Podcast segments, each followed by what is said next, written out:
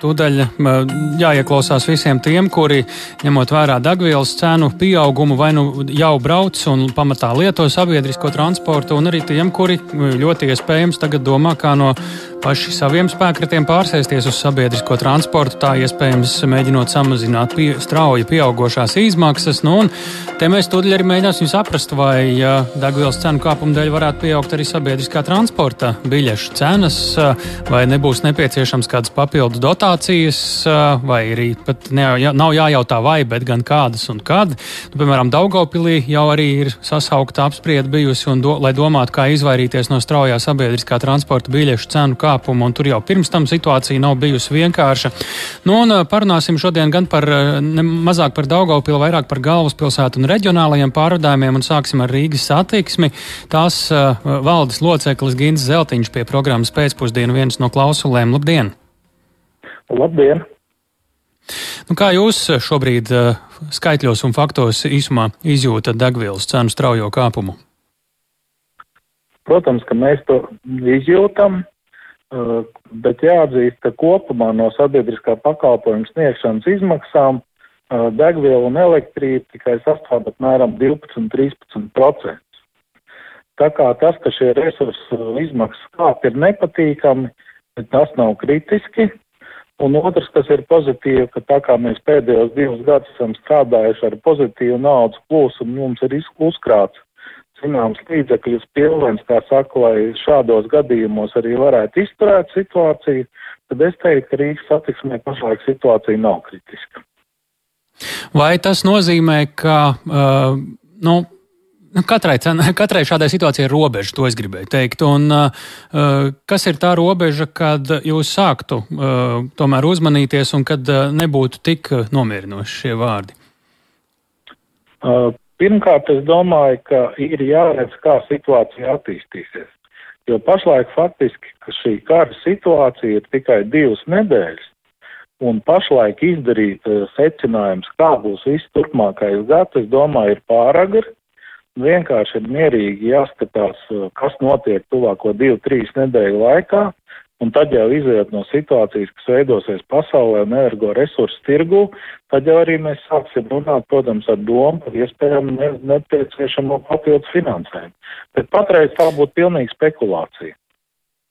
Uh, to es saprotu, bet vai uh, grāmatveži vai, kā, vai jūs vai finanšu direktori ir rēķinājuši, kura ir tā degvielas cena, pie kuras jūs uh, nu, jau varbūt tagad esat teikuši vai zināt, ka būs jārunā Rīgas domi? Es teiktu, ka tā nav degvielas cena, bet tas ir, cik ilgi būs šī degvielas cena. Ja, piemēram, tāda degvielas cena, kā ir šodien, saglabāsies vēl nākamos divus, trīs mēnešus, tad, protams, mēs kaut kad aprīlī, maijā ar domu noteikti runāsim par papildus uh, kompensāciju šo zaudējumu sekšanai. Ir atkarīgs, cik ilgi šī situācija saglabāsies. Jā. Liels paldies par šo konsultāciju. Gins Zeltiņš, Rīgas satiksmes valdes loceklis programmā pēcpusdienā.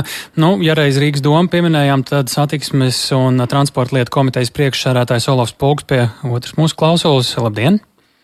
Jā, labdien!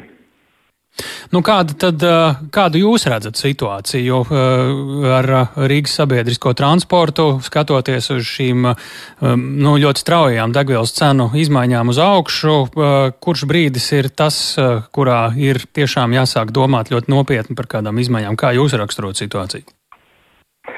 Nu, jāsaka, Rīgas satiksme jau ilgāku laiku atrodas nepatīkamā tādā pat krīzes situācijā, kas saistīta ar Covid pandēmiju jo mēs jau šobrīd esam, godīgi sakot, pie tā pieraduši, ka satiksme ir, ir piespiedu kārtā arī samazinājusi reises un arī pasažieru skaits ir samazinājies, līdz ar ko tiek rēķināti šie zaudējumi, kā jau Zeltiņa kungs teica, un tad notiek šīs sarunas ar, ar domu un domu tos kompensē.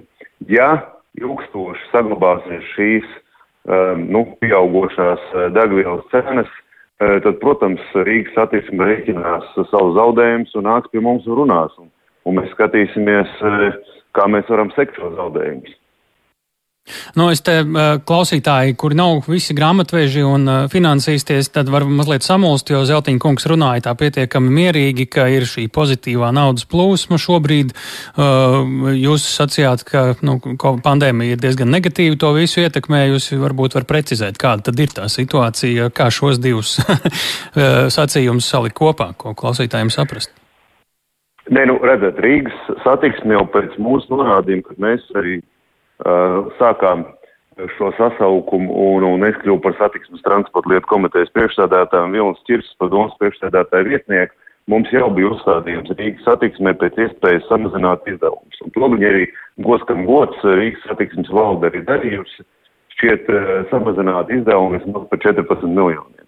Tātad Zeltīna kungs teica jau, ka tas veido arī šo uh, pozitīvo tādu kā naudas spilvenu. Es teicu drīzāk par šo izaicinājumu un satraukumu, kas ir bijis Rīgas satiksmē, ka viņi nevar strādāt ar pilnu jaudu, kā viņi vēlētos. Bet es gan gribētu teikt, ka šis, um, šis brīdis Rīgas satiksmē jāsaprot arī kā jauns izaicinājums. Esmu ar viņiem jau pārunājis to, jo šobrīd tiešām šīs degvielas cenas iespējams liks vienam otram, varbūt ne tikai vienam otram, bet ļoti lielam daudzumam cilvēku, kur ikdienā pārvietojas ar savu personisku automašīnu tomēr pārsēsties Rīgas satiksmes transporta līdzekļos.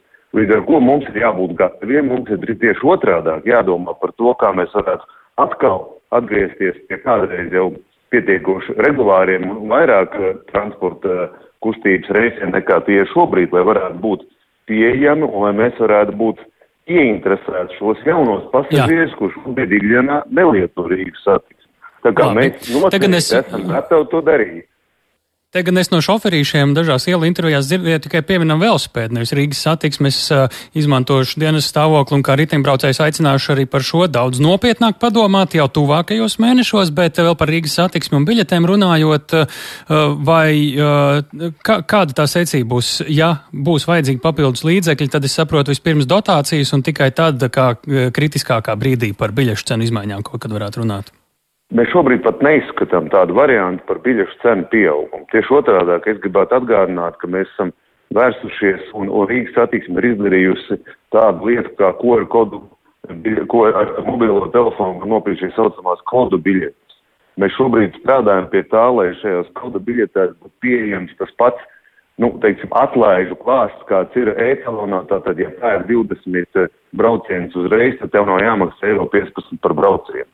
Un arī tas, ko es jau minēju, jā, jūs pareizi sakat, riteņbraucējs, tas arī ir mūsu mērķa auditorija. Mēs domājam par šo, lai, teiksim, pieņemsim dieriņos, eh, kur varbūt jāiet kilometrus vairāk, jā. no, no sabiedriskā transporta pieturvietas varētu būt kāds nomas divritenis un tā tālāk. Tā kā šīs lietas mums jāsinhronizē kopā, jo tas, kas ir brauc ar divriteni, varbūt ne savu personisko, bet domas, viņš ir arī potenciāli Rīgas satiksmes braucēji. Katrā gadījumā krietni tuvāk Rīgas jau... satiksme nekā, nekā autobraucēji. Jā, tā jau būs jau mums vēl nākamā saruna. Piekrīt. Aicināsim arī uz to. Paldies par sarunu Olafam Pulkam, Rīgas domas satiksmes un transporta lietu komitejas priekšsādātājiem. Pie mūsu klausulas šobrīd arī Kristians Godiņš, autotransporta direkcijas valdes priekšsādātājs. Ar viņu vairāk saruna par reģionālajiem pārvadājumiem. Labdien! Labdien! Uh, šobrīd kāda ir situācija, kā jūs raksturot, jo nu, uh, te jau ir, mēs esam saņēmuši ziņu, ka pasažieru pārvadātāja asociācija ir lūgusi pārskatīt reģionālo pasažieru pārvadājumu līguma cenas. Jā, mēs esam saņēmuši uh, šo lūgumu un arī pārvadātāji izsaka bāžas un neapšaubām ieņem vērā, ka tās situācijas var būt dažādas, ja Rīgas satiksmē uh, degvielas un elektrības kopējā ietekme ir 12%, tad reģionālajos autobusu pārvadājumos degvielas kompetences ietekme ir vairāk kā 20% pārsvarā gadījumos. Līdz ar to cenu svārstība un šī gadījumā cenu pieaugums, kas ir salīdzinot ar pagājušā gada februāri plus 25% pret šī gada februāru un martā bija vēl vairāk, līdz ar to mēs runājam jau par 30% pieaugumu, tas ir jūtams. Tas, ko mēs uh, skatāmies, pirmais ir attiecībā uz līguma cenām, jāsaprot, ka līguma cenām ir noteikti nosacījumi, uh, pie kuriem var tikt pārskatīta cena un kādos gadījumos. Un arī iepirkuma uzraudzības birojas reaģējot arī uz kopējo izmaksu pieaugumu, arī norāda, ka primāri jāskatās līguma nosacījumi, bet uh, mēs saskatām, ka pirmkārt šis jautājums noteikti tiks skatīts arī sabiedriskā transporta padomas sēdē. Un šeit varētu tikt meklēt arī vēl citi risinājumi, lai mēs neskrietu priekš ar, ar tarifu pārskatīšanu, jo jāsaprot, ka cilvēkiem kopumā dzīves dārdzība ir jūtama pieaugusi.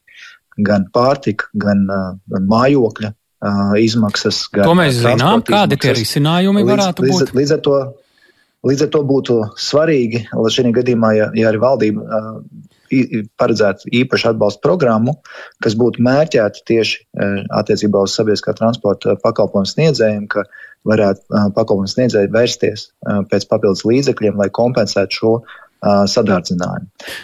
Otrs variants ir, ir protams, tehniski vienkāršāks, tas ir akcijas cenas, akcijas pārskatīšana, kas varētu salīdzinoši ātrāk uh, radīt ietekmi uz uh, to, kāda cena ir par degvielas litru. Jā. Uh, tā kā šie būtu tie divi risinājumi, nevar izslēgt, uh, protams, ja netiek meklēti citi uh, varianti, tad nevar izslēgt, ka arī tarifu politika var tikt pārskatīta, bet uh, šīs apstākļos iespējams, ka ar vienkārši ar tarifu cenu palielināšanu um, tad degvielas nokompensē, lai kompensētu degvielu, tās biļešu cenas varētu būt būtiski lielākas. Fiskālās disciplīnas padomu saka, ka ar akcijas nodokli un citiem nodokļiem gan ļoti uzmanīgi, jo tas iegūms varētu būt krietni mazāks, varbūt tad arī tiešām šis atbalsts varētu būt daudz tēmētāks. Kā jūs raksturot to situācijas kritiskumu, ja reiz pasažieru pārvadātāja asociācija šādu lūgumu ir uzrakstījusi, kā jūs no savas puses redzat, kāda ir situācija ar reģionāliem pārvadājumiem un nu jau esošo un visticamāk arī turpmāko vēl degvielas degvielas cenu pieaugumu? Var saprast šīs bažas, jo tas degvielas cenu kāpums, kā es teicu, ir jūtams.